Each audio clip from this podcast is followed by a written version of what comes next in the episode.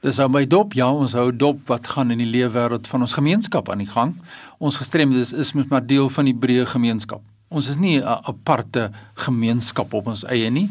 Jy's miskien vandag iemand met geen gestremdheid nie en môre is jy 'n persoon met 'n gestremdheid na miskien 'n ongeluk. So gestremdheid kom op 'n mens se pad en dit kan op vele vlakke vir 'n mens raak.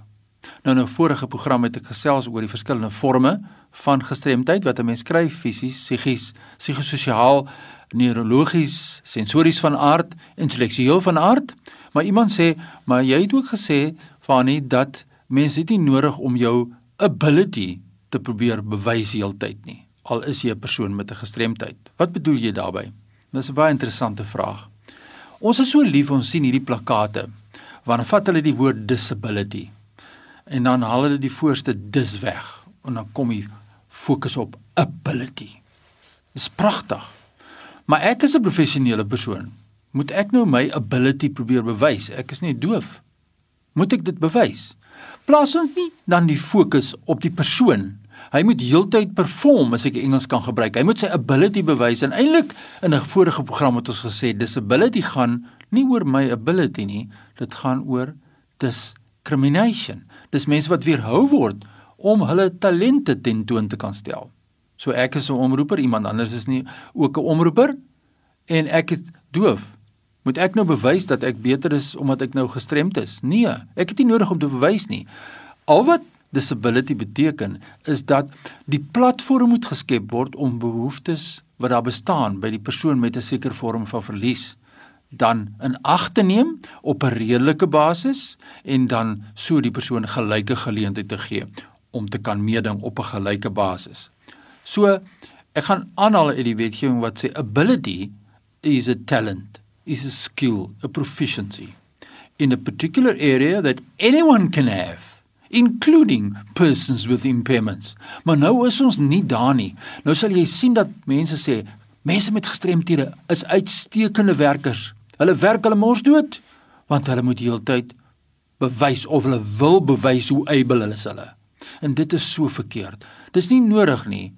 Mens moet net verstaan wat gestremdheid regte beteken. So die Engels gaan verder in die wetgewing wat sê shifting the focus of disability into the person or the individual instead of the society where it belongs may be to the detriment of the process of reasonable accommodation. So as ons nou die ability plaas op my, ek moet bewys, dan gaan dinge verkeerd. En dan kom mense terug nog verder en hulle sê the only disability in life is a bad attitude. Is dit korrek om dit te sê? Wat is jou mening? Die enigste gestremdheid in die lewe is 'n slegte of 'n negatiewe ingesteldheid. Nee, dit is nie korrek nie. Daar is 'n aantal barriers, struikelblokke wat tot gevolg het en een van hulle is houdings. Maar ander struikelblokke is ook soos die omgewing, die trappe wat daar is en daar's nie opritte nie, die kommunikasie struikelblokke wat gestel word of inligting wat nie vir mense in wat blind is in brail beskikbaar is nie. So en as wel daar is ook attitudinal barriers verseker soos die wetgewing sê. So kom ons vat saam. There's environmental barriers, there's communication barriers, there's information barriers and there's attitudinal barriers. Maar om te gaan en te sê the only disability in life is a bad attitude. Die slegte nuus is ons goeie ingesteldheid, ons good attitude en dit baie duidelik sê cannot necessarily be seen as a golden key to unlock or address the inequalities of the past. So as ons net ons houdings verander, dan gee ons nog nie 'n oprit aan die voorkant van die biblioteek om mense in rolstoele toe te laat tot daardie biblioteek nie. So sien, dit is baie belangrik dat ons moet verstaan wat beteken gestremdheid? Wat is die persoon se verlies en dat watter forme van gestremdheid ons weerhou om te kan op 'n gelyke basis mee te ding.